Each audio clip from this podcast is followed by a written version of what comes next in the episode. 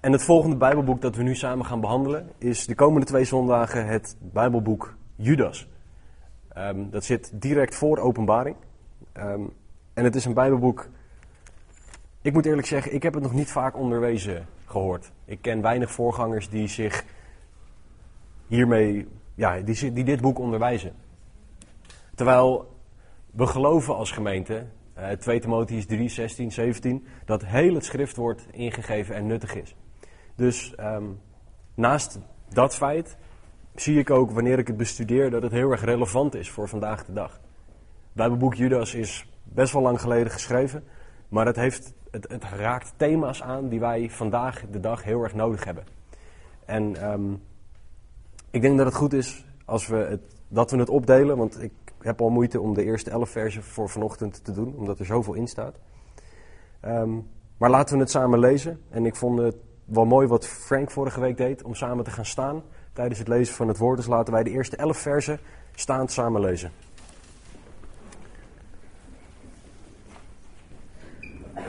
Judas, beginnend bij vers 1. Judas, een dienstknecht van Jezus Christus en broer van Jacobus aan de geroepenen, die door God de Vader zijn geheiligd en die door Jezus Christus worden bewaard.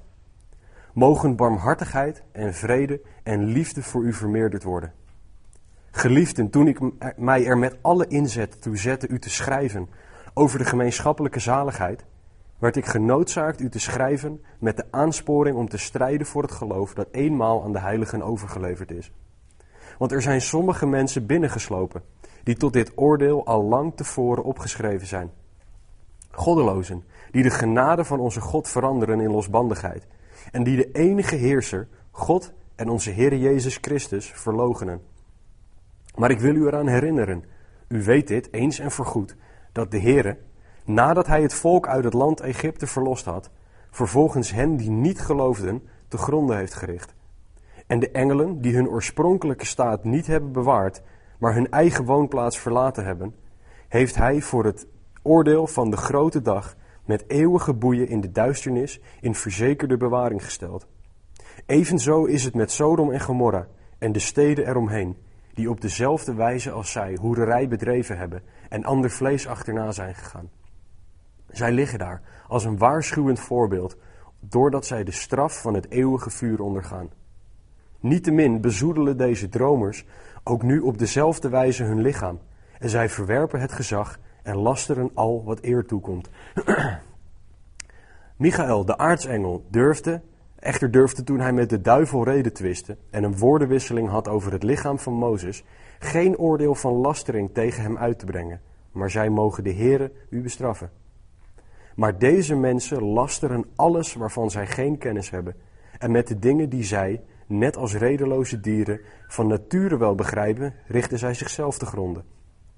Wee hun, want zij zijn de weg van Kain ingeslagen en hebben zich om loon in de dwaling van Biliam gestort en zijn door het tegenspreken als van Korach omgekomen. Laten we samen gaan zitten en laten we dit stuk bestuderen. Om een klein beetje context te geven wil ik, een, wil ik samen met jullie kijken naar wie deze brief geschreven heeft, waar de brief geschreven is, wanneer de brief geschreven is, aan wie en waarom. Waarom is dit belangrijk om te kijken? Omdat het uitlegt um, de achtergrond van de brief.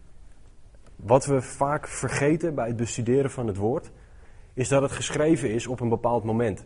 Dus dat er um, bepaalde uitdrukkingen waren die toen heel normaal waren. 100 jaar, 500 jaar geleden zullen ze niet geweten hebben wat wij bedoelen met de appel valt niet ver van de boom. Als dat opgeschreven staat en mensen lezen het over, over 500 jaar, dan zullen ze niet snappen wat er bedoeld wordt. Zo geldt dat ook voor het woord. Dus de context, de historische context is heel belangrijk. Nou, laten we beginnen met wie schreef de brief. Dat klinkt misschien als een rare vraag, maar dat is een hele belangrijke, omdat het heel veel zegt over, um, het, over de karakter van, van de persoon, over de achtergrond van die persoon. En we weten, want dat staat er, Judas, een dienstknecht van Christus en broer van Jacobus. Um, er zijn vier Judassen die genoemd worden in de Bijbel. Dat is Judas Iscariot, hij die Jezus verraadde. Judas de Galileër. in Handelingen 5. Judas, de broeder van Jacobus, dat is een andere van de apostelen. En Judas, de broer van Christus, in Marcus 6. En wie van de vier is dit dan? Nou, het kan niet Judas Iscariot zijn, want die pleegde zelfmoord. Het is niet Judas de Galileër uit Handelingen 5, want hij was een afgodendienaar en er staat bij dat hij stierf. Ehm, Judas, de broeder van Jacobus, zoals in Lucas 6 genoemd wordt, was een der apostelen. En uit Judas 1:17 kunnen we opmaken dat deze schrijver zichzelf niet als een apostel zag. Dus dan blijft er één iemand over. Judas, de halfbroer van Christus. In Marcus 6:3 staat: Is dit niet de timmerman, de zoon van Maria en de broer van Jacobus en Jozef en van Judas en Simon? En zijn zijn zusters niet hier bij ons? En zijn namen aanstoot aan hem. Deze brief is met zeer grote waarschijnlijkheid geschreven door een halfbroer van Jezus Christus zelf. Een broer van Jezus die dezelfde moeder had, namelijk Maria, maar Jozef als vader. En we zien hier dat Jezus uit een gezin komt met vier broers en minimaal twee zussen. Want er staat zusters, meervoud, dus kunnen we zeggen minimaal twee. Dus Jezus had zes jongere broers en zussen. Op een gegeven moment lezen we niks meer over Jozef in het Nieuwe Testament. Dus de aanname is dat Jezus op een gegeven moment opgroeide in een gezin met één ouder, namelijk alleen nog maar een moeder. Dus Jezus weet hoe het is om in een huis op te groeien waar er op een gegeven moment nog maar één ouder is. Jezus weet hoe dat is. En wat op zich wel interessant is, is, ik vind het wel interessant, hoe was Jezus als oudere broer? Ik weet hoe ik ben als oudere broer. En ik ben natuurlijk ben ik geweld. Nee, ik schiet aan alle kanten tekort. Maar een oudere broer hebben die altijd gelijk heeft. Die nooit boos te krijgen is. Die zegt, nee, daar moet je niet aan denken. Nee, ook daar niet. Nee, dat moet je niet doen. Nee, nee, dat is niet handig. Het lijkt me echt dat Jezus best wel een irritante oudere broer is geweest. Omdat hij gewoon altijd gelijk had. En Judas weet dat allemaal. Judas weet wat Jezus aan het lachen maakte. Judas weet wat Jezus niet fijn vond. Judas weet wat de irritante eigenschappen waren die Jezus had. Die man schrijft aan ons deze brief. En wat helemaal bijzonder is, is dat Johannes 7, vers 5 ons leert dat Jezus zijn broers niet geloofde toen Jezus leefde. Zij vonden het maar een rare kwibus. Moet je nagaan, je hebt een oudere broer en die zegt, ik ben de zoon van God. Die zegt, ik ben gezonden van God om de zonde van de wereld weg te nemen. Niet alleen dat, ik ben God. Ja, dan denk je, volgens mij heb jij iets verkeerd gegeten of gedronken gisteravond. Maar dit, uh, dat is niet helemaal goed. En Jezus hield dat vol, maar zijn broers hielden het ook vol. Zij geloofden niet. Wat dan fantastisch is, is dat we in Handelingen 1 vers 14 lezen, heel specifiek, dat Jezus zijn broeders aan het bidden waren met de discipelen in de bovenkamer. Oftewel, Jezus zijn broers zijn tot geloof gekomen. Jezus is verschenen aan Jacobus, lezen wij in 1 Korinthe 15. Jezus weet hoe het is om een ongelovige familie te hebben, ongelovige familieleden te hebben. En door, hij bleef gewoon doen wat hij deed. Hij bleef getuigen van wie God is. Hij bleef doen waarvoor hij geroepen was. En dat getuigenis is door God gebruikt. dus het eerste wat wij al mogen leren is dat een getuigenis dat wij kunnen zijn voor ongelovige familie is ontzettend krachtig. Kijk maar naar hoe Jezus een getuigenis was. En hoe zijn broers tot geloof zijn gekomen uiteindelijk. En hoe twee van zijn broers fantastische brieven hebben geschreven in de Bijbel. Jacobus heeft een fantastische brief geschreven. Hij werd voorganger van de gemeente in Jeruzalem. Hij stond bekend, in het, ik ken alleen de Engelse uitdrukking, maar als old camel knees. Wat erop neerkomt is dat hij zo lang elke dag op zijn knieën aan het bidden was, die Jacobus. Aan het bidden tot zijn Heer, tot zijn broer, die hij aanbad als, Jezus, als Heer, namelijk Jezus Christus. Dat zijn knieën verbogen werden en niet meer helemaal goed werkten. Dat is het effect van Jezus' getuigenis geweest. En we zien dat ook terug bij Judas. Judas is een waarachtig getuige nu. Zien we in dit woord van zijn broer. Als we nu weten wie de brief geschreven heeft, de vraag waar schreef hij de brief? Nou, het antwoord is heel kort, geen idee. Weten we niet. Er is geen indicatie vanuit de brief, ook niet van buitenbijbelse geschriften of tradities. We weten alleen dat deze brief onderdeel is van het woord. Wanneer schreef hij de brief? Nou, dat wordt geschat ergens tussen 65 en 80 na Christus. Waarom die periode? Omdat deze brief heel veel overeenkomst heeft met de brief 2 Petrus. En waarom? Uh, nou, deze brief is geschreven na 2 Petrus. Waarom? In 2 Petrus wordt er gezegd dat er valse leraren nog binnen moeten komen in de kerk. Judas zegt, ze zijn al binnen. Dus daar zit een periode tussen. Maar de valse leraren zijn op het moment dat Judas zijn brief schrijft al binnengeslopen in de kerk. Stel dat dat 80 na Christus is. Dan bestaat de kerk dus nog geen 50 jaar en zijn er al valse leraren binnengeslopen. Als je bedenkt hoe oud de kerk nu is, 2000 jaar ongeveer. Hoeveel valse leraren zullen er dan wel niet in de kerk zitten? In wat zich de kerk noemt. Aan wie schreef uh, Judas deze brief? Nou, we hebben heel veel brieven, zoals 1 Korinthe, uh, de Galatenbrief, de Efezebrief, die naar een specifieke kerk gericht zijn. Of uh, Timotheus, specifiek gericht aan de persoon Timotheus of Titus. Judas doet dat niet. De titel in de herziene staatsvertaling zegt ook een algemene brief van de apostel Judas. Apostel ben ik het niet helemaal mee eens, maar dat heb ik al uh, gezegd. het is een algemene brief aan de kerk. Aan de kerk als geheel. En wij zijn de kerk. Het woord voor kerk, dat in het Nieuwe Testament gebruikt wordt, spreekt over mensen. De geroepen mensen. Dus als mensen vragen waar is de kerk, is dat eigenlijk een hele moeilijke vraag om te beantwoorden. Want dan moet ik weten waar jullie allemaal zijn. En dat is. Er is tegenwoordig een hoop mogelijk. Maar dan zou ik jullie telefoons moeten hacken en dat wordt niet heel uh, ethisch verantwoord. Maar de kerk is de groep mensen waaraan Judas schrijft. En waarom schrijft hij dan deze brief aan deze mensen? Nou, een tip voor Bijbelstudie is altijd: elk, elk brief, elke boek, elk boek heeft een hoofdthema. Eén hoofdgedachte die de schrijver over wil brengen, die hij ondersteunt met argumenten. Dus Judas heeft ook een hoofdthema. En dat hoofdthema staat in Judas 1, vers 3. En hij zegt: Geliefde, toen ik mij er met alle inzet toe zette u te schrijven over de gemeenschappelijke zaligheid, werd ik genoodzaakt u te schrijven met de aansporing om te strijden voor het geloof dat eenmaal aan de heilige overgeleverd is.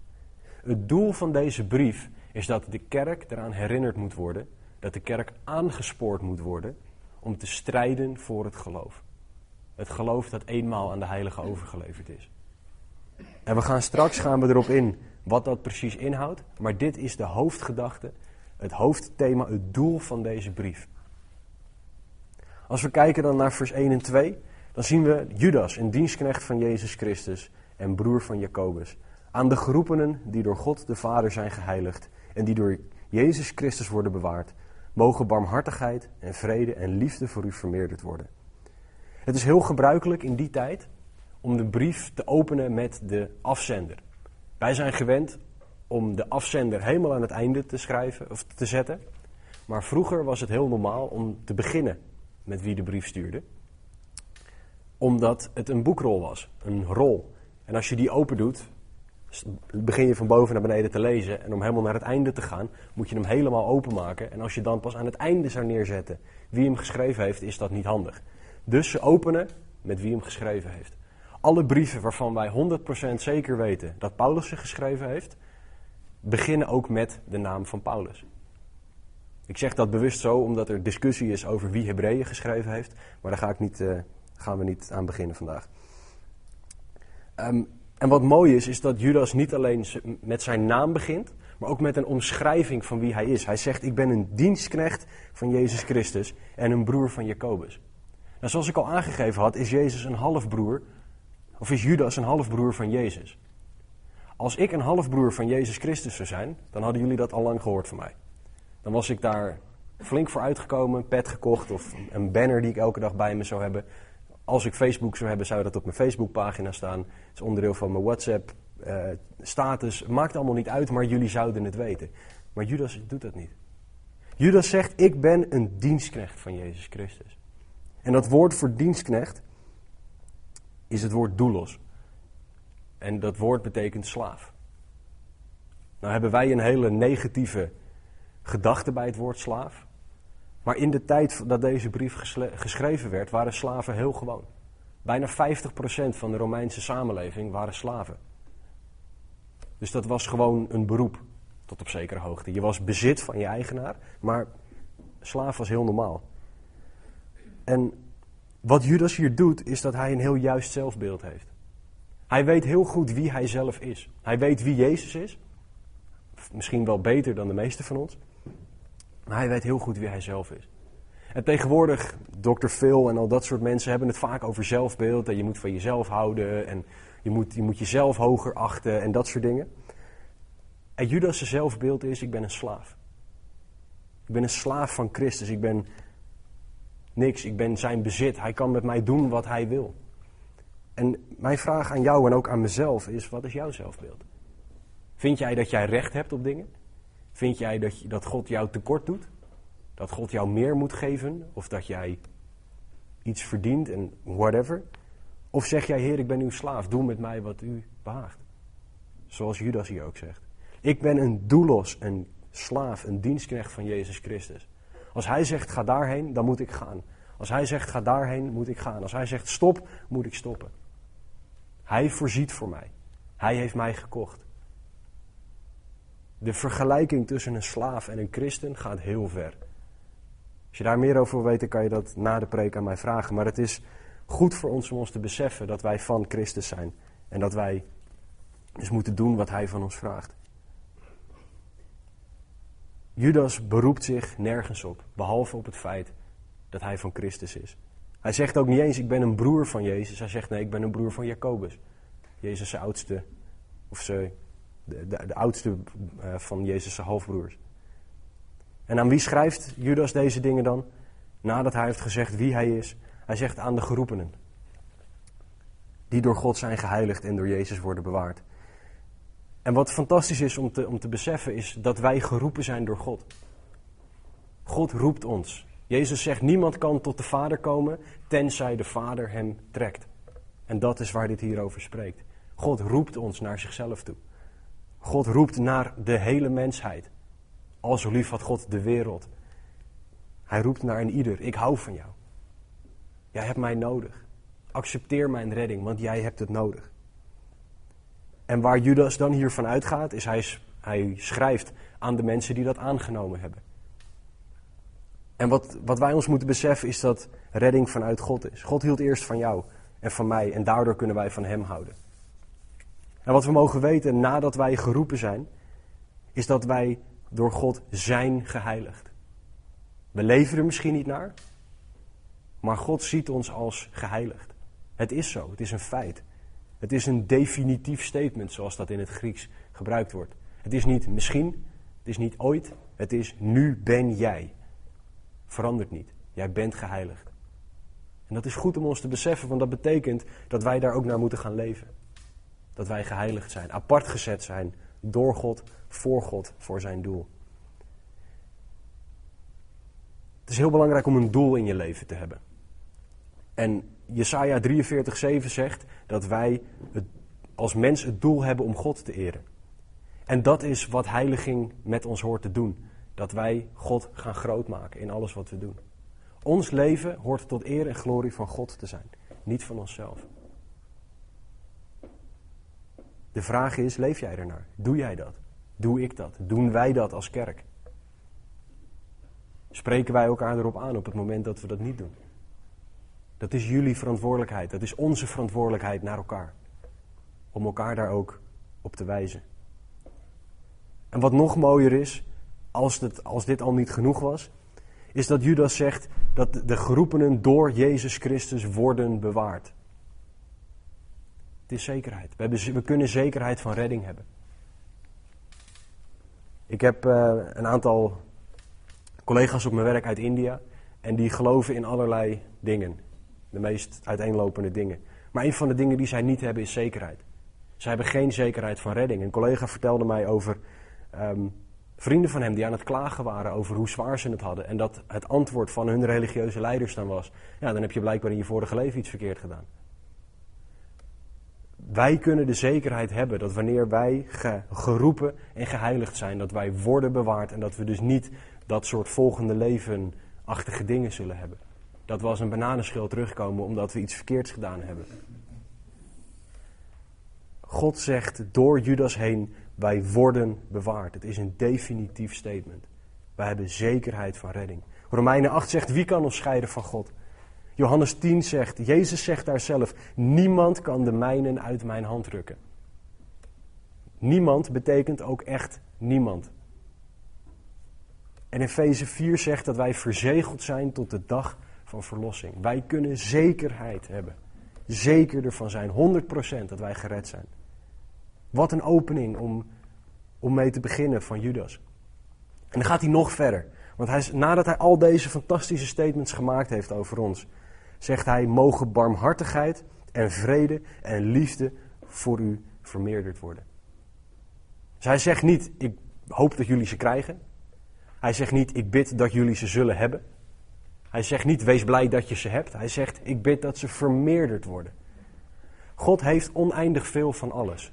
En als God dan gaat geven, en hij gaat in meervoudige vorm geven, dat het vermeerderd wordt, hoeveel is er dan wel niet voor ons? Er zijn mensen die denken, nou, wat ik nu gedaan heb, daar kan God me echt niet van redden. Nee, God houdt nu echt niet meer van mij. Vrede met God, nee, na, na wat ik nu gedaan heb, kan dat echt niet. Terwijl God hier zegt, ik wil dat barmhartigheid, vrede en liefde in jouw leven, in een ieder van ons leven, vermeerderd worden. Ze zijn er niet alleen, maar overvloedig. Op de conferentie in Ziegen was er een voorganger en die zei more moreness. Meer meerheid. Het is geen Nederlands, het is ook geen Engels trouwens. Maar het, het betekent gewoon meer. En er is altijd meer. Altijd. En dan daarbij had een vraag die ik heel vervelend vond, die ik aan mezelf stelde. Vraag ik hem wel eens of meer, of neem ik genoegen met een beetje?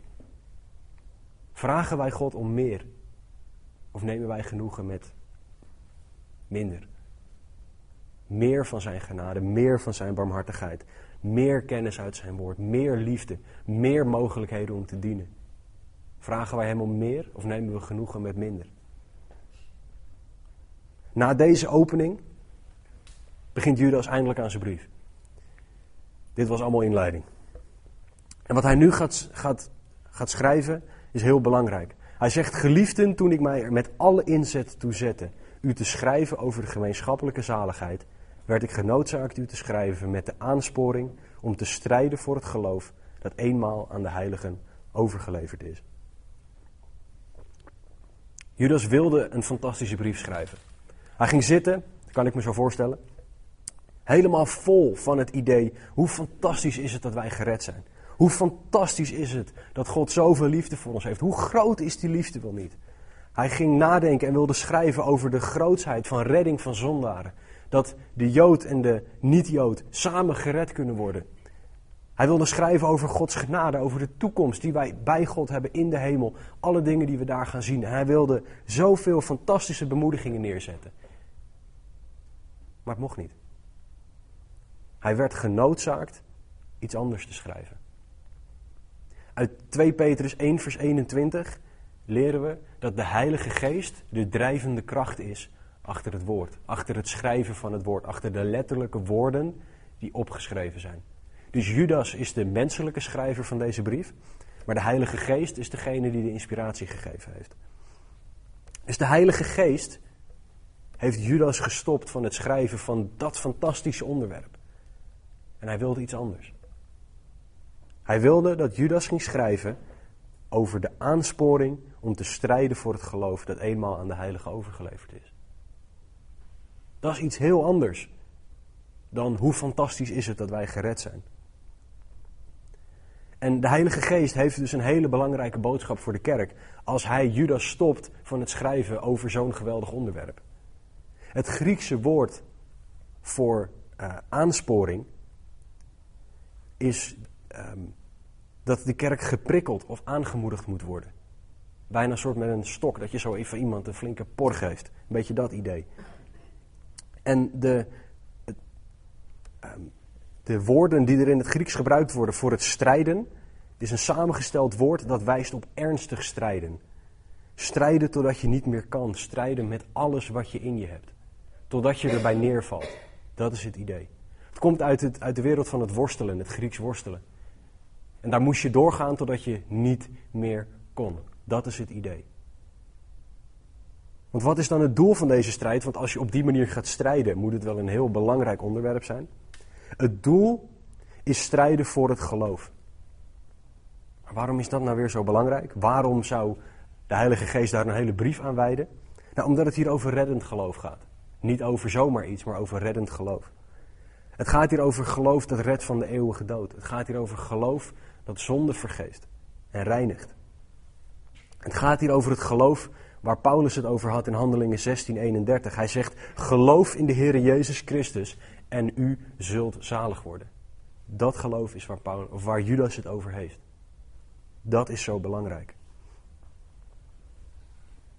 Iets wat wij ons niet beseffen als christenen in het rijke Westen, is dat de kerk altijd één generatie verwijderd is van uitsterven.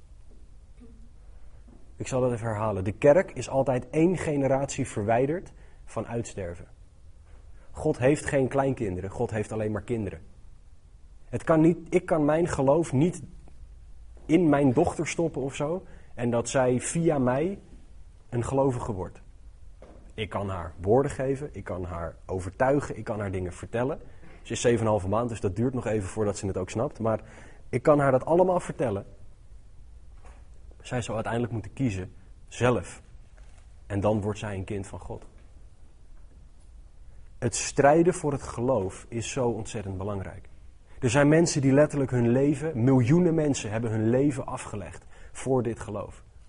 Het is zo belangrijk om te strijden voor dit geloof.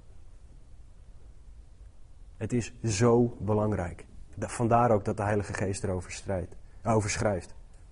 En het woord strijden staat, en dat is zo mooi aan het Grieks, dat is een veel mooiere en uh, wolligere taal dan wij hebben. Wij hebben hele, heel weinig woorden. Maar het, het woord voor strijden staat in de oneindige vorm.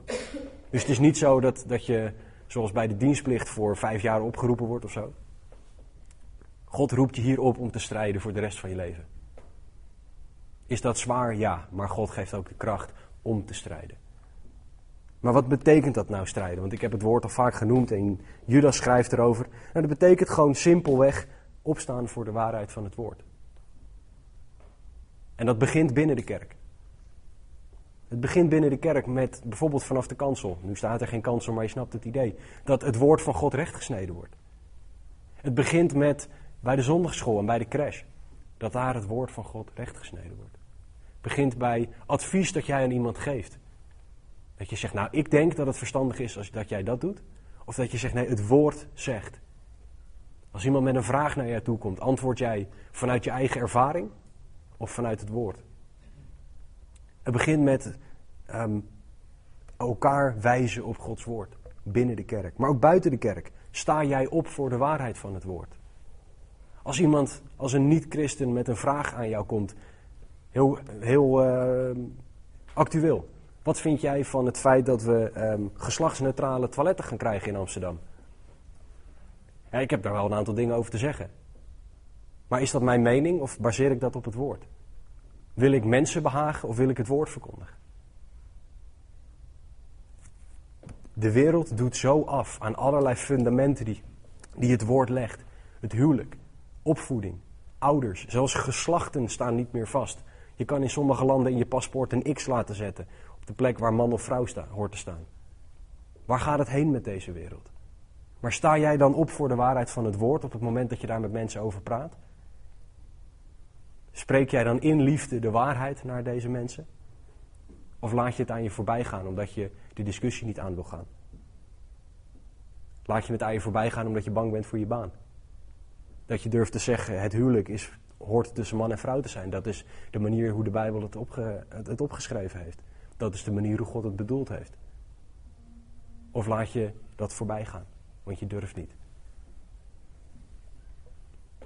En de belangrijkste manier om te strijden voor het geloof is door jezelf aan het woord te houden. Is door zelf te leven naar de standaard van het woord. Door je leven over te geven aan God en te zeggen: Heer, ik kan het niet, maar ik wil graag leven naar uw wil. leven naar uw standaard. Dat is het beste en de beste vorm van strijden die je kan doen. Bijna elke keer wanneer ik preek haal ik dit liedje wel aan. Maar lees je Bijbel, bid elke dag dat je groeien mag. Dat is wat wij horen te doen. Die drie dingen, of die twee dingen die tot de derde leiden. Lees je Bijbel, bid elke dag dat je groeien mag. Dat is wat wij horen te doen als christenen, om te strijden voor het geloof. Want hoe kan je strijden voor iets wat je niet goed kent? Hoe kan je iets doorgeven wat je niet hebt?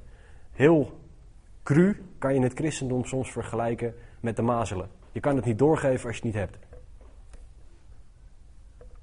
Elke vergelijking gaat mank, dus ook deze. Maar jullie snappen het idee.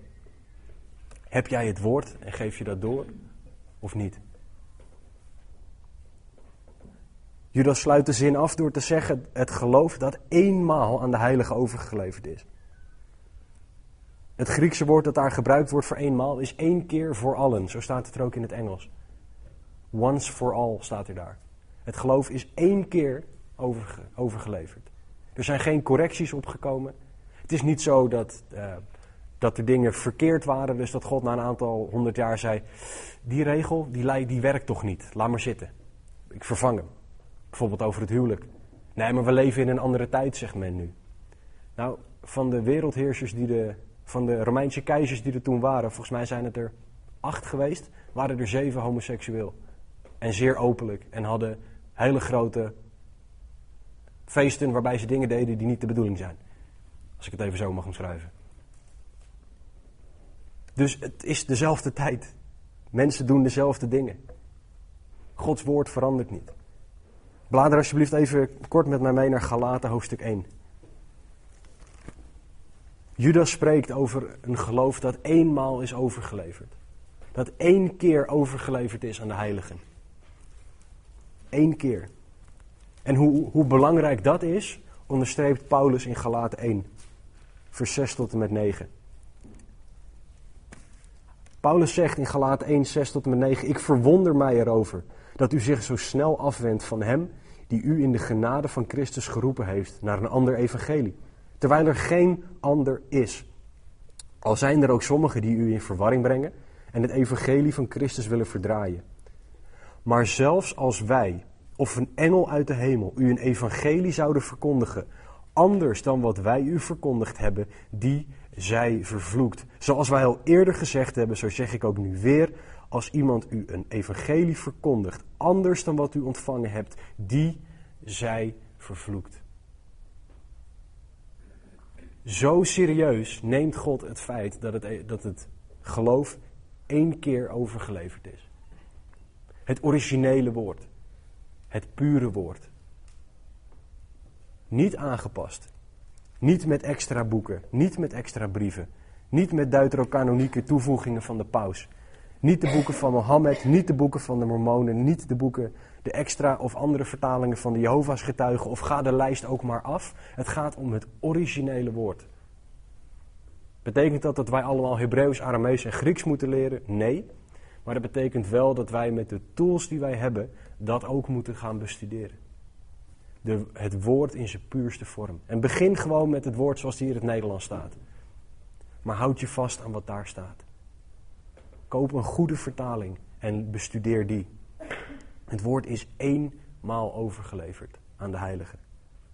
In de tijd van de Reformatie zeiden ze sola scriptura, alleen het woord. Dat is wat wij moeten, ons moeten beseffen. Het is een geloof dat eenmaal is overgeleverd. En waarom benadrukt Judas dit? Omdat hij in vers 4 zegt, want er zijn sommige mensen binnengeslopen. Ze zijn er al. Nogmaals, in, in 2 Petrus um, staat er dat ze nog binnen moeten komen. Dat is 2 Petrus 2 vers 1. En in Judas 1 vers 4 staat dat ze er al zijn. En wat Judas gaat doen, is dat hij door de rest van zijn brief ingaat op de methodes die ze gebruiken. De theologie die ze brengen. Hun karakter, hun daden. Hij gaat allerlei dingen af. En waarom doet Judas dit? André zei laatst, ja, je gaat wel weer een hele zware brief onderwijzen met valse leer en allemaal dat soort zware onderwerpen. Dat klopt. Um, maar waarom staat dit in het woord? Dat is niet omdat ik dit leuk vind, maar omdat het in het woord staat. Denk er eens over na hoe erg het is als één iemand afvalt in valse leer. Hoe erg is het als één iemand een verkeerd woord hoort en daarmee denkt tot geloof gekomen te zijn en gered te zijn? Dat betekent dat die persoon misschien wel niet naar de eeuwigheid gaat, de eeuwigheid met God. Hoe erg is het als in de naam van Christus gezegd wordt: ah joh, maakt allemaal niet uit al die zonden. Bijvoorbeeld in, de, in deze tijd was het gnosticisme, waar Ralf het eerder ook over gehad heeft, was heel groot. En daarbij zeiden ze: het lichaam is 100% slecht, dus wat je in je lichaam doet, maakt niet uit, zolang je geest maar goed is. Dus dat betekent dat je kan zondigen met je lichaam wat je maar wil. God rekent je dat niet aan, zolang je maar met je geest fantastische dingen doet. Dat is wat er tegenwoordig ook weer door de kerk gaat. Wat zich de kerk noemt. Het maakt niet uit wat je doet. God houdt wel van je. Gods genade is genoeg. Maakt allemaal niet uit. Dat is niet onze God. Dat is niet wat hij leert. In vers 4 benadrukt Judas vier dingen. Hij benadrukt de methode van hoe deze mensen binnenkomen. Ze sluipen binnen. En hij gaat daarna in op hoe ze zijn. Ze zijn namelijk goddeloos, is het tweede punt. Het derde is, ze behandelen Gods genade als een excuus voor losbandigheid. En vier, ze verloochenen Jezus Christus. Het eerste punt is dat ze binnensluipen. Hoe komen deze mensen binnen? Nou, ze zijn binnengeslopen, zegt Judas. Ze hebben geen stempel op hun voorhoofd staan of een heel groot neonlicht dat ze met zich meeslepen met ik verkondig valse leer, spreek me er alsjeblieft op aan. Of zo. Het zijn mensen die stilletjes binnenkomen. Het zijn mensen die langzamerhand hun stem meer gaan laten horen en uiteindelijk een leiderspositie willen hebben. En dan opeens komt hun daadwerkelijke agenda tevoorschijn. En dan mag alles en kan alles. Dit zijn mensen die door God al veroordeeld zijn. Ze zijn tot dit oordeel al lang tevoren opgeschreven, zegt Judas. En wat betekent dat? Nou, God weet wat er gaat gebeuren. God weet welke kennis of welke keuzes wij maken. En hij weet dus ook welke mensen deze keuzes gaan maken. En op basis van hun daden zijn zij veroordeeld. Deze mensen zijn goddeloos, is het tweede, de tweede eigenschap. En het woord goddeloos betekent geen ontzag voor God. Je hebt geen respect voor God. En het woord respect is ook heel erg afgewaterd. Maar je, je hebt geen ontzag voor God. Dat is het probleem van deze mensen. Ze, ze weten niet of willen niet snappen dat God is wie hij zegt te zijn. Dat hij de oneindige is. Dat hij lichaam en ziel kan vernietigen. En wat ze dan laten zien is het derde. Ze gebruiken Gods genade om losbandig te kunnen leven. En wat betekent dat nou? Dat betekent niks meer dan Gods genade als een excuus gebruiken om te kunnen zondigen. Ja, maar God heeft toch meer dan genoeg genade. God houdt zoveel van mij, dat komt helemaal goed. God vergeeft toch wel. Ik zat laatst op een. Afgelopen week zat ik op de website van de. Nou ja, ik weet niet eens meer hoe het heet. Van een kerk in Nederland. En die zegt gewoon: ja, maar God heeft zoveel liefde, hij houdt van iedereen. Dat betekent dat, dat het allemaal wel goed komt met iedereen. En dat noemt zich de kerk. Dat is niet wat het woord onderwijst, maar dat is wel wat kerken onderwijzen. Wat wij moeten snappen als kerk is wat er in Johannes 1, vers 16 staat, namelijk dat wij genade op genade krijgen. Johannes 1, 16. En wat betekent dat nou? Gewoon heel simpelweg. We krijgen eerst genade om gered te worden. En daarna krijgen we de genade om heilig te leven. God legt het op die manier uit. Van genade krijg je eerst om gered te worden. En daarbovenop stapel ik genade waardoor jij heilig en rein voor mij kan leven. En God geeft ons dat dagelijks. Het is niet genade, ik ben gered en daarna kan ik doen wat ik wil. Het is genade op genade om uiteindelijk rein en heilig voor God te leven. Dat is wat God van ons vraagt. Dat is wat Judas hier probeert te benadrukken. Maar wat deze valse leraren ontkennen. Zij zeggen, nee, maar zo werkt het allemaal helemaal niet. God is veel groter, zijn liefde is oneindig, dus ook voor elke zonde. En wat ze uiteindelijk doen is het vierde punt dat Judas aanhaalt in dit vers. Ze verlogenen de enige Heere God en onze Heer Jezus Christus.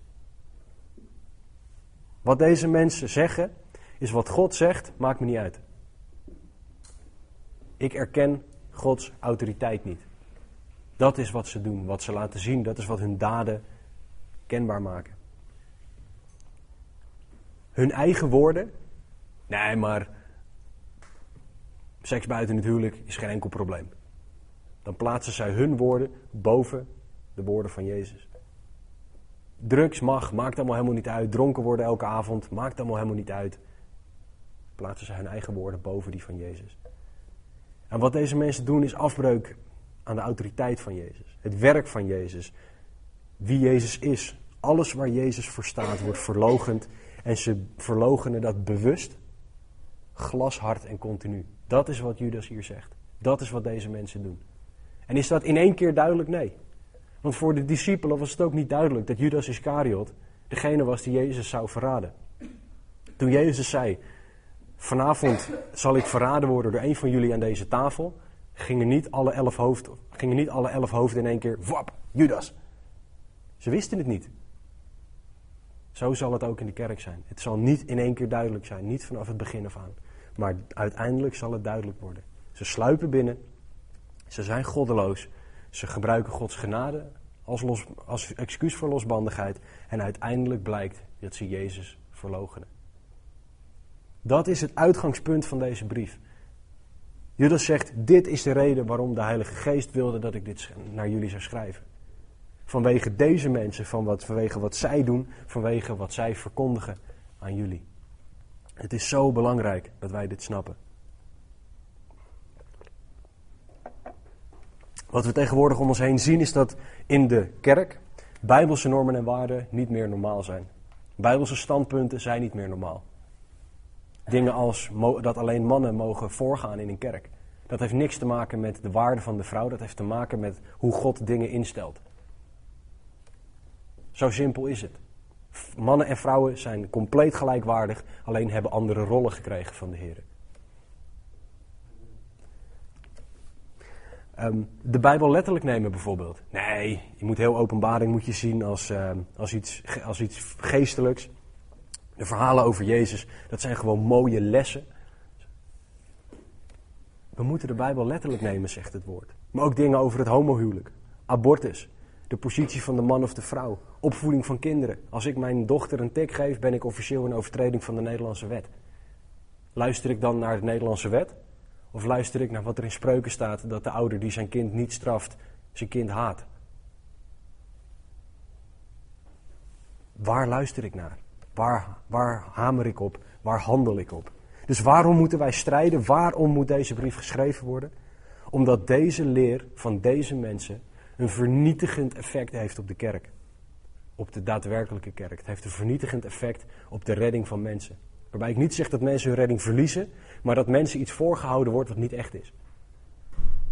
En dat is destructief, vernietigend voor die mensen. Want hun ziel gaat uiteindelijk naar een plek waar geen ziel hoort te zijn. De plek die alleen voor engelen en demonen bedoeld is, namelijk de hel. Laten we vers 5 tot en met 7 erbij pakken. Um, God kent de mens namelijk. En wat hij, wat hij hier gaat doen, is hij gaat in op een van de dingen die standaard door ons hoofd gaat. Op het moment dat God zegt, ah dit is heel erg, het is echt vreselijk wanneer dit gebeurt, denken wij altijd, is dat echt zo? Is dat echt zo erg? Weet u dat heel zeker? Ik, word, ik ben zelf vaak zo arrogant om te denken, nee, daar val ik niet voor. Ik zal niet overgehaald worden door deze mensen. Ik ben veel slimmer. Zo denken wij vaak. Maar God zegt, dit is heel erg en ik zal je uitleggen hoe dit werkt. God gaat hier laten zien in drie voorbeelden hoe een kleine groep mensen een vernietigend effect heeft, letterlijk, op een grote groep. Hij begint met Israël in vers 5, Satan en de engelen in vers 6 en Sodom en Gomorra in vers 7. En in, in vers 5 spreekt Judas, die heel erg veel oud-testamentische bijbelkennis, um, of die, die ervan uitgaat dat zijn lezers heel veel oud-testamentische bijbelkennis hebben, gaat hij in op nummer 13 en 14. Dat is dat Israël voor het eerst op de rand van het beloofde land staat. En ze sturen twaalf spionnen het land in om te kijken of het land echt is zoals God het gezegd heeft. En tien spionnen komen terug en die zeggen: het is of de twaalf komen terug en zeggen alles is zoals God het gezegd had. Maar dan komen de tien en die steken hun hand op en zeggen maar. Er wonen reuzen, daar gaan we nooit van winnen. Nooit. Dus we moeten niet naar binnen gaan. God sprak de waarheid over dat het land is zoals, hij, zoals het zou zijn. Maar we gaan niet naar binnen, want er wonen reuzen. Caleb en Jozua, met z'n tweeën, moeten tegen die tien ingaan. En die zeggen, jongens, we moeten het land ingaan. God heeft het beloofd. God heeft het gezegd, we moeten gaan. God zal de overwinning geven. En 2 tot 3 miljoen mensen, zo groot was dat volk, luisterden naar 10 man. Ze vergiftigden het denken van 2 tot 3 miljoen mensen met z'n tienen. Er staat dat het volk de hele nacht lag te jammeren en te weeklagen.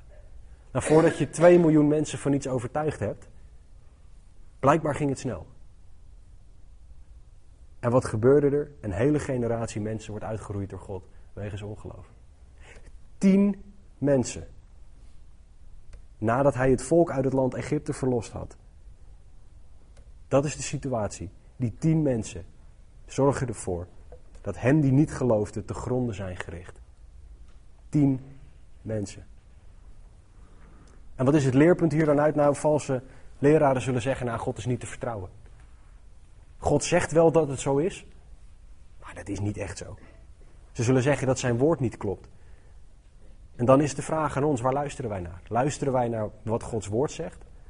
Of luisteren wij naar mensen? Geloven wij God op zijn woord?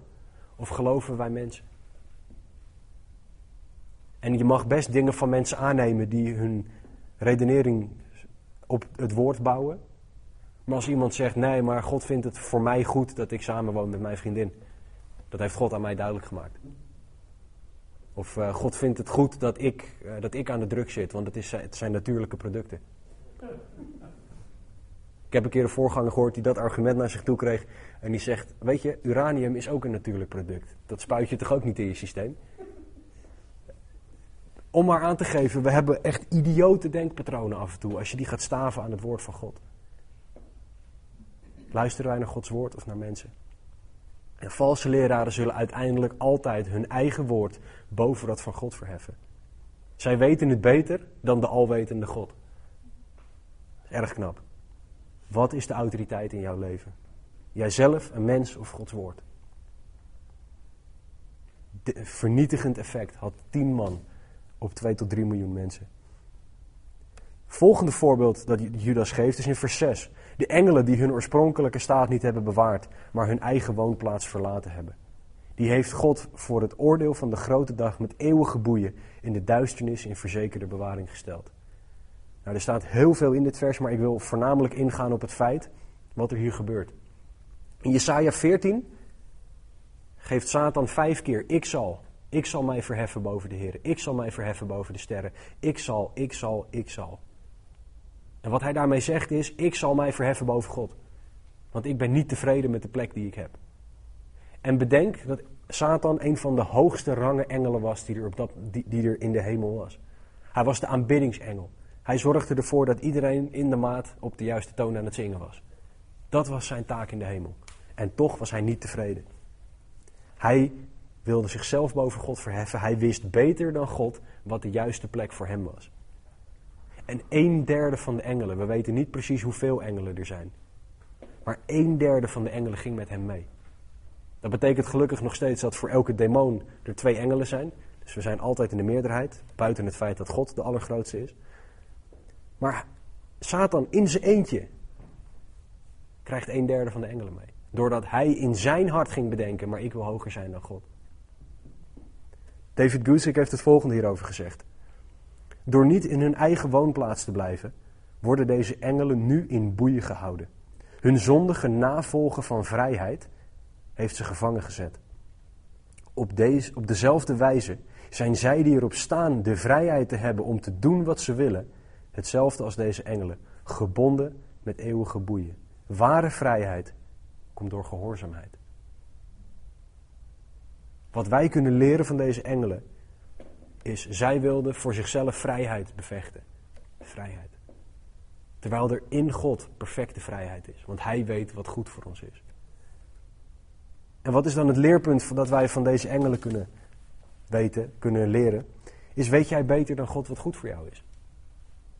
Nee, Heer, u hebt mij één talent gegeven, in de vergelijking die Jezus gaf, maar ik, ik, ben, ik, ik kan er echt wel vijf aan. Dus ik ga gewoon dingen naar me toe trekken en dan kom ik wel uit op meer en dan ga ik dat even voor u regelen.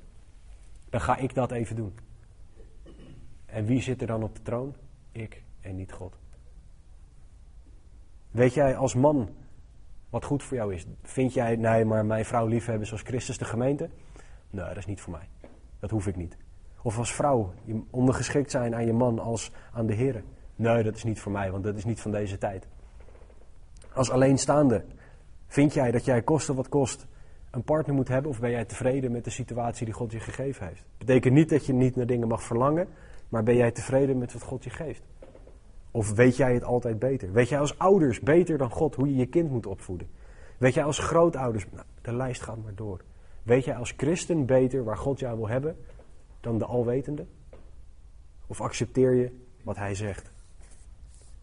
Gehoorzaam je God of loop je achter je eigen verlangens aan? Wil je wat kosten wat kost vrij zijn of gehoorzaam je God? Volgende is Sodom en Gomorra. Genesis 19 wordt er daar specifiek aangehaald.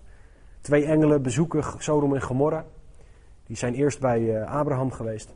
En ze lopen s'avonds in die stad rond en Lot haalt ze heel snel zijn huis in, want het is niet veilig daar op straat. En de mannen van de stad, en het woord mannen heeft geen leeftijdsgroep met zich mee. Dus mannen van elke leeftijd van die stad kwamen naar het huis van Lot toe, beukten op de deur en op de, op de muren om deze mannen te verkrachten. De mannen van de stad kwamen dat doen. Dat is wat, wat zij wilden doen. En hoe erg ze daarnaar verlangden, blijkt uit het feit toen de engelen hun blind maakten, bleven die mensen zoeken naar die mannen om te doen wat ze wilden doen. Blindheid was niet genoeg om ze te stoppen. En wat is dan het leerpunt hiervan? Nou, deze valse leraren zullen altijd zeggen: als jij op een kruispunt komt te staan en je moet kiezen tussen je eigen lust, je eigen verlangens en Gods woord. Ja, duidelijk, dan ga je altijd voor je eigen verlangens. Geef niet, God, God snapt het wel. Hij heeft genoeg genade voor je. Zoals ik al zei, het gnosticisme was heel groot in die tijd. En wat daar heel erg groot was, was wat ze logos of kennis noemden. En dan kon het dus zo zijn dat zij zeiden: nee, maar God heeft mij laten zien dat dit voor mij niet erg is. Jij bent daar nog niet. Misschien komt dat ooit. God laat het misschien nog wel aan je zien, maar voor mij is het goed. God heeft me dat laten zien. Dat is hoe deze mensen dan handelen. Ze kiezen hun eigen verlangens. En wat ze uiteindelijk hebben is een zondeprobleem. Welke zonde willen zij niet afleggen en niet onderwerpen aan God? Daarbovenop is het voorbeeld van Sodom en Gomorra. Sodom en Gomorra is rijke en vruchtbare grond. Toen Abraham en Lot gingen kiezen tussen grond, koos Lot het vruchtbare gedeelte. En dat is Sodom en Gomorra. En dat zijn zegeningen uit het verleden. Want uiteindelijk, men denkt nu, de traditie zegt dat de Dode Zee de plek is waar Sodom en Gomorra gestaan hebben. Doodser dan die plek is het niet, want het is een zee met alleen maar zout water. En dus de zoutlaag wordt alleen maar dikker, omdat het water, er steeds minder water in staat. Zegeningen uit het verleden voor ons zeggen niks over onze toekomstige geestelijke staat. Wat ik daarmee bedoel is dat God in het verleden tot je gesproken heeft. Betekent niet dat, dat je dat alleen maar met je mee moet dragen en dat je je niet uit hoeft te strekken naar God vandaag. Dat je niet vandaag God hoeft te zoeken. Nee, want God heeft vijf jaar geleden tot me gesproken. Nee, maar Heer, wat wilt u vandaag voor mij? Dat is wat wij moeten vragen. We moeten Jezus blijven navolgen. En in al deze gevallen zien we dat een kleine groep leed veroorzaakt voor een hele grote groep. En in de kerk betekent dat dat er voorspoed verkondigd wordt. Gooi er 1 euro in en je krijgt er 5. Gooi er 100 in en je krijgt er 10.000. Het woord van God wordt verwaterd. Nee, maar dat is niet echt zo. We hebben het over geslachtsneutraliteit. God heeft man en vrouw geschapen, zegt het woord. En wij zeggen anders. We hebben het homohuwelijk in de kerk. Terwijl God heel duidelijk zegt: het huwelijk is tussen een man en tussen een vrouw. En ga zo maar door. En het begint altijd bij individuen, maar het is de verantwoordelijkheid van de kerk om op te treden. Als hier één iemand op gaat staan en die gaat valse leer verkondigen, is het deels Stense taak, deels mijn taak als voorgangers van deze gemeente, of voorganger en assistent-voorganger, maar ook jullie taak om daarop in te spelen. Het is jullie taak om die persoon apart te nemen en op het woord te wijzen. Het is jullie taak om die persoon te corrigeren in het woord. Het is de taak van de gemeente, de geroepenen in de gemeente, om daar wat aan te doen. Uh, ik heb nog heel veel, maar niet heel veel tijd meer. Ik ben nu zo'n beetje net over de helft. Uh, wat doen we? Ik denk dat het goed is om er toch, toch door te gaan, maar ik zal het kort houden. Um, we hebben nu gekeken naar de methode en het onderwijs van deze mensen. Maar we gaan nu kijken kort naar het karakter en het gedrag van deze mensen. In vers 8 tot en met 11. En deze mensen, zegt vers 8, bezoedelen hun lichaam. Oftewel, ze vervuilen hun lichaam. Ze verwerpen gezag, en dat is voornamelijk gezag in de kerk. Gezag van God. Ze verwerpen het gezag van ouderlingen, mensen die door God zijn aangesteld. En ze lasteren wat eer toekomt. En wat eer toekomt, betekent letterlijk dat ze glorie lasteren. En dat betekent uiteindelijk dat ze Gods glorie lasteren. En Michael is een goed voorbeeld van hoe je om moet gaan met een, met, met een situatie waarop je misschien wel zou kunnen lasteren. Michael is de aartsengel. Hij is de hoogste. Hij is de enige aartsengel. En hij heeft een opdracht van God gekregen, die wij niet weten, die wij ook nergens anders te horen krijgen, maar iets met het lichaam van Mozes. De een zegt dat het geen bedevaartsoord moest worden, dus de plek waar Mozes dan begraven zou zijn, zou de plek zijn waar mensen naartoe gaan reizen. Een ander zegt, Mozes is een van de twee getuigen in openbaring. We weten het niet, Michael heeft een opdracht gekregen. En die staat daar bij dat lichaam, moet er iets mee doen en de Satan verschijnt. Of die komt aanlopen, weet ik het. Um, en Michael is sterker dan Satan, besef je dat? In openbaring zien we dat een engel, er wordt niet eens genoemd welke, gewoon zo makkelijk wint van Satan, het is niet te bevatten. Michael staat boven die normale engel. Hij kan zo makkelijk winnen van Satan. Hij kan hem neerslaan, hij kan hem belachelijk maken, hij kan hem uitschelden, hij, kan, hij doet het niet. Hij zegt, mogen de Here u bestraffen. Hij bracht geen oordeel van lastering tegen de Satan uit, zegt dit vers.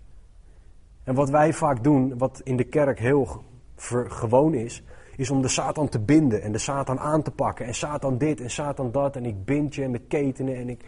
Dat doen mensen allemaal. Maar als Michael, de aartsengel, die vele malen machtiger is dan wij, dat niet doet, waarom zouden wij dat dan doen? Michael zegt, het oordeel is aan God. Mogen de Heren u bestraffen.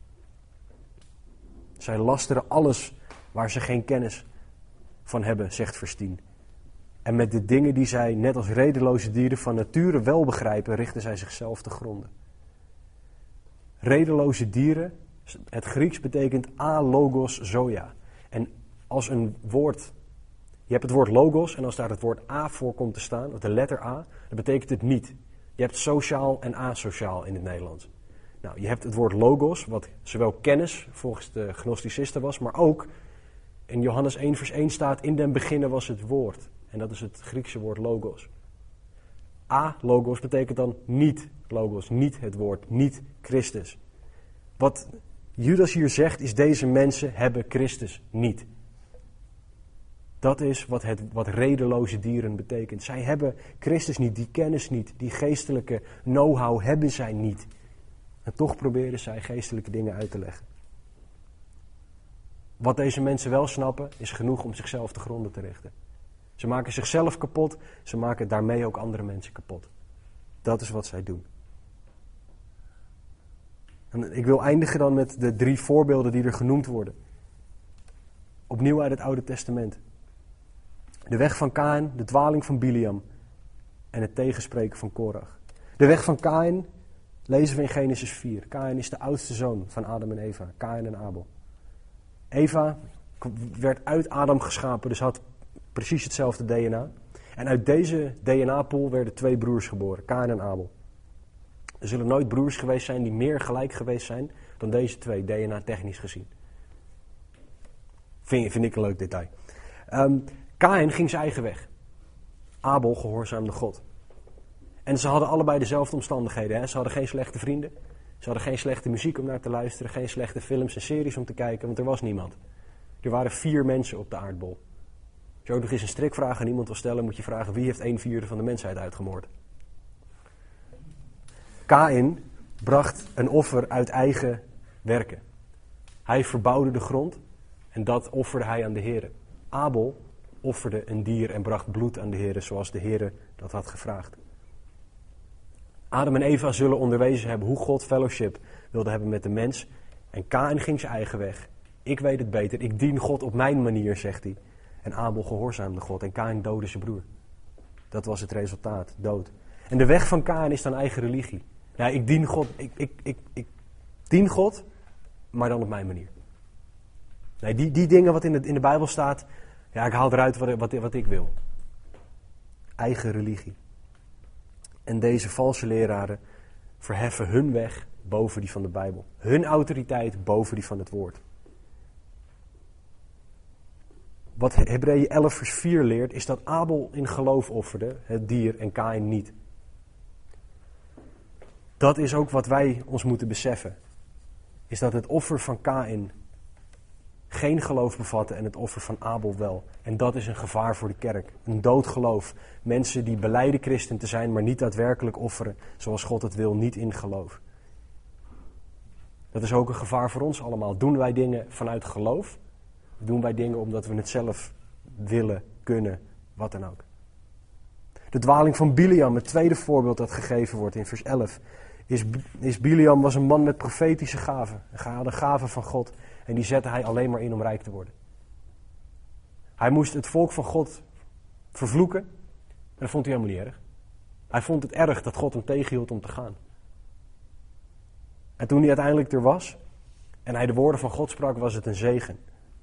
Maar aangezien geen vloek, geen geld de, de policy was die ze afgesproken hadden, ging Biliam uitleggen hoe die, de koning die hem die opdracht had gegeven, Israël alsnog kon vervloeken, zonder dat Biliam het uit hoefde te spreken.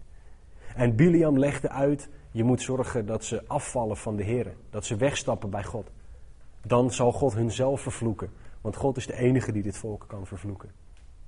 Hoe erg is het als jij een gave van God krijgt en dat je die inzet voor geld en uiteindelijk zelfs om Gods volk schade toe te brengen? En dat doen deze valse leraren. Biliam heeft indirect 24.000 Israëlieten gedood. Door de valse leer die hij, brengen, door die, die hij bracht. En hoeveel mensen zijn er misleid en uiteindelijk dus niet de hemel ingegaan? Door de misleiding van valse leraren. Biliam werd uiteindelijk gedood zelfs door de koningen die hij diende. Geldzucht leidt naar de dood. Dus de vraag is: wie volg jij? Wie dien jij? Gebruik jij de talenten die God jou gegeven heeft, op de plek die God jou gegeven heeft, voor zijn eer of voor geld? En bedenk je, God is een goede slaaf, een goede dienstknecht, maar het is een vrede meester om te hebben. Want je, dan zal je nooit genoeg hebben. En dan zal je altijd een stap verder willen gaan om meer te krijgen. Is geld jouw doel of is God dat? En hem dienen. Het laatste voorbeeld dat Judas geeft is Korach. Het tegenspreken als van Korach. En waar dat naar verwijst is nummer 16. Korach, een leviet, iemand die dus het voorrecht had om God te dienen. Hij was geen onderdeel van de mensen die dienden in de tabernakel, maar hij was wel een leviet.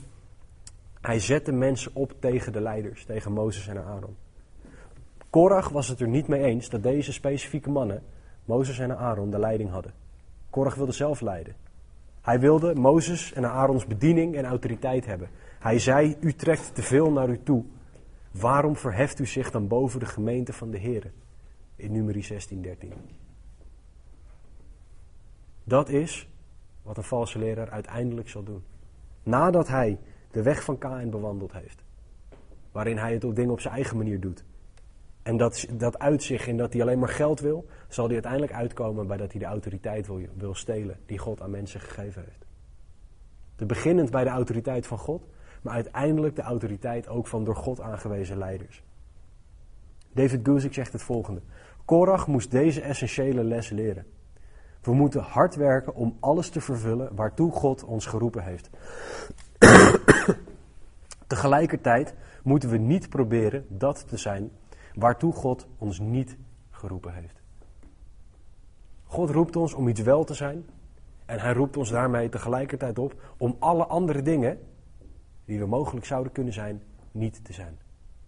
Als God jou roept om koffie te schenken, dan heeft hij jou niet geroepen om iets anders te doen.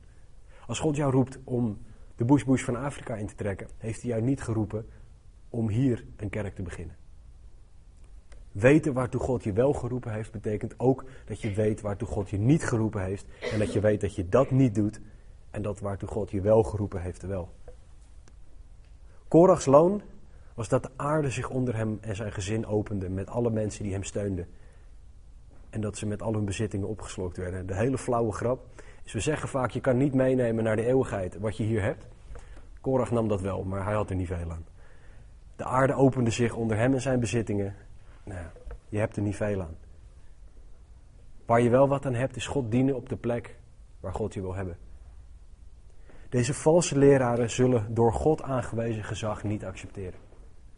Als God zegt dat zijn woord autoriteit is, zullen ze dat niet aannemen. Als God zegt dat Stan Marinissen de voorganger van deze gemeente is, dan zullen zij dat niet aannemen. Als God zegt dat Pietje Puk de voorganger is van gemeente X, zullen ze dat niet aannemen. Want zij willen zelf de autoriteit zijn. Zij zullen bewust gezag van oudsten en voorgangers ondermijnen, want dat zijn niet de juiste mensen. Dat is de laatste stap van deze rebellie. En wat heeft Judas nou gedaan? Hij heeft ons een hele uitgebreide uitleg gegeven over valse leraren. Over hun manier van werken, over hun theologie, wat zij onderwijzen. Over hun karakter, over hun daden. En waarom nou? Want het is belangrijk, waarom zegt hij dit? Want we moeten er iets mee. Nou, zodat de kerk zal strijden voor het geloof. Zodat jullie allemaal zullen opstaan voor het geloof dat eenmaal aan de heilige overgeleverd is. De mensen in de kerk moeten strijden tegen valse leer die zo vernietigend is. Wij moeten allemaal het woord van God zo goed kennen dat wij valse leer direct herkennen. Omdat wij weten wat het echte is, zullen wij het valse gaan herkennen. Weet je dat je als christen geroepen bent en geheiligd bent, bewaard door Jezus zelf? Geroepen en geheiligd en bewaard door Jezus zelf om ook die strijd te strijden. Wist jij dat valse leraren Gods genade niet kennen? Terwijl wij die wel mogen kennen? Dat ze de autoriteit van Gods woord afwijzen en mensen willen verleiden. Naar zichzelf uiteindelijk in de plaats van naar God. Ren juist naar God toe en niet naar mensen. Weet dat een kleine groep mensen een grote impact kan hebben. Tien mensen die twee tot drie miljoen mensen misleiden. En weet dat we God in zijn kracht mogen navolgen. Michael streed in de autoriteit die God hem gegeven had. In het afgebakende gebied dat God hem gegeven had. God had hem niet de vrijbrief gegeven om op dat moment Satan neer te slaan. Strijd in de autoriteit en in de krachten die God jou geeft. Niet iets wat je zelf bedenkt. En als je dan nog niet gelooft in Jezus, als je nog niet Jezus aangenomen hebt als verlosser en Heer, dan is het goede nieuws waarvoor wij mogen strijden als kerk. Dat God van je houdt. Dat God van elk mens houdt en dat Hij wil dat jij weet dat Hij er voor jou is. Dat Hij van jou houdt. Dat Hij voor jou gestorven is. God zegt dat elk mens een zondaar is en dat elk mens de eeuwige dood verdient. Maar Hij wil vooral dat wij allemaal weten dat Jezus voor ons gekomen is om de straf te dragen. Aan het kruis is Jezus gestorven. Hij droeg jou en mijn straf. En daardoor kunnen wij nu bij God komen. Dat is de boodschap die wij als kerk aan de wereld mogen verkondigen. Dat is de boodschap die God tegen, tegen een ieder van ons wil zeggen. En als je nog niet gelooft in die Jezus, accepteer dan dat offer. Accepteer die liefde, want God houdt oneindig veel van jou. Als jij al wel gelooft, onderzoek dan je eigen hart. Niet of je een valse leraar bent, misschien moet je dat zelfs wel doen. Maar voornamelijk, wat staat er op de hoogste plek in jouw leven? Wat heeft autoriteit? Wie heeft er autoriteit? Zijn dat mensen? Zijn dat ideologieën? Nee, maar ik vind dat wat die gnosticisten zeggen, dat vind ik mooi. Staat er een bepaalde zonde op de hoogste plek in jouw leven? Ja, ik hou wel van God, maar ik kan dit niet loslaten. Staat er iets boven God? Je kinderen, je autoriteit, of je, je carrière, je, je man, je vrouw, je whatever. Wat staat er op de hoogste plek in jouw leven? Is dat Gods woord? Is dat Jezus? Is dat zijn offer aan het kruis? Of iets anders? En de oproep aan ons allemaal is om het woord van God zo goed te kennen dat wij er kunnen strijden. Dat wij kunnen strijden voor het geloof. Dat wij kunnen strijden tegen valse doctrine, valse leraren. En dat wij allemaal dus het juiste en pure woord leren kennen. Zodat we het valse kunnen weerleggen met het echte. Laten we bidden. Heere God, dank u wel voor uw woord. Heere, dank u wel dat u groot bent, Heere, dat u goed bent. Heere, dank u wel dat u uw woord gegeven hebt. En dat u uzelf aan ons kenbaar maakt. Heere, laat alsjeblieft meer en meer zien wie u bent. Heere, laat ons uw echte woord zien. Heere, zodat wij u beter leren kennen. En dat wij uiteindelijk ook zullen kunnen strijden, Heere, voor het geloof. Zoals u ons opdraagt. Heere, vermeerder alsjeblieft barmhartigheid, vrede en liefde in ons allemaal. Leer ons alsjeblieft om als uw doelos, uw slaaf door het leven te gaan. Heere, leer ons alsjeblieft om u groot te maken in alles wat we doen. Heere, we hebben u nodig, Heere, u en u alleen. Heere, openbaar alsjeblieft aan ons allemaal hoeveel wij u nodig hebben. Openbaar alsjeblieft wie u bent. Heere, laat alsjeblieft zien wat, u, wat uw echte woord tot ons te zeggen heeft. Leer ons strijden alsjeblieft overal waar we komen, in liefde, in genade. En leid ons alsjeblieft om meer en meer navolgers van u te worden. Geef ons allemaal een gezegende week, heren, waarin we u meer en meer zullen dienen. Waarin we ja, goddelijke afspraken zullen hebben, waarin we uw woord mogen delen met mensen. Heren, laat het zo zijn dat wij deze week meer mensen dan ooit zullen mogen vertellen over wie u bent. Heren, en ook wat uw woord wel zegt en daardoor ook wat het woord niet zegt. Leid ons, trek ons naar uzelf toe. Heren, zoals alleen u dat kan. We bidden dit, we vragen dit in Jezus' naam. Amen. Ik wil afsluiten met een fantastisch vers waar we nog aan toe gaan komen. Of twee versen uit Judas. De laatste twee versen van dit fantastische boek. In Judas 1, vers 24 en 25 schrijft Judas aan hem nu, die bij machten is, u voor struikelen te bewaren en u smetteloos te stellen voor zijn heerlijkheid, in grote vreugde. De alleenwijze God, onze zaligmaker, zij heerlijkheid en majesteit, kracht en macht, nu en in alle eeuwigheid. Amen. Hele gezegende week.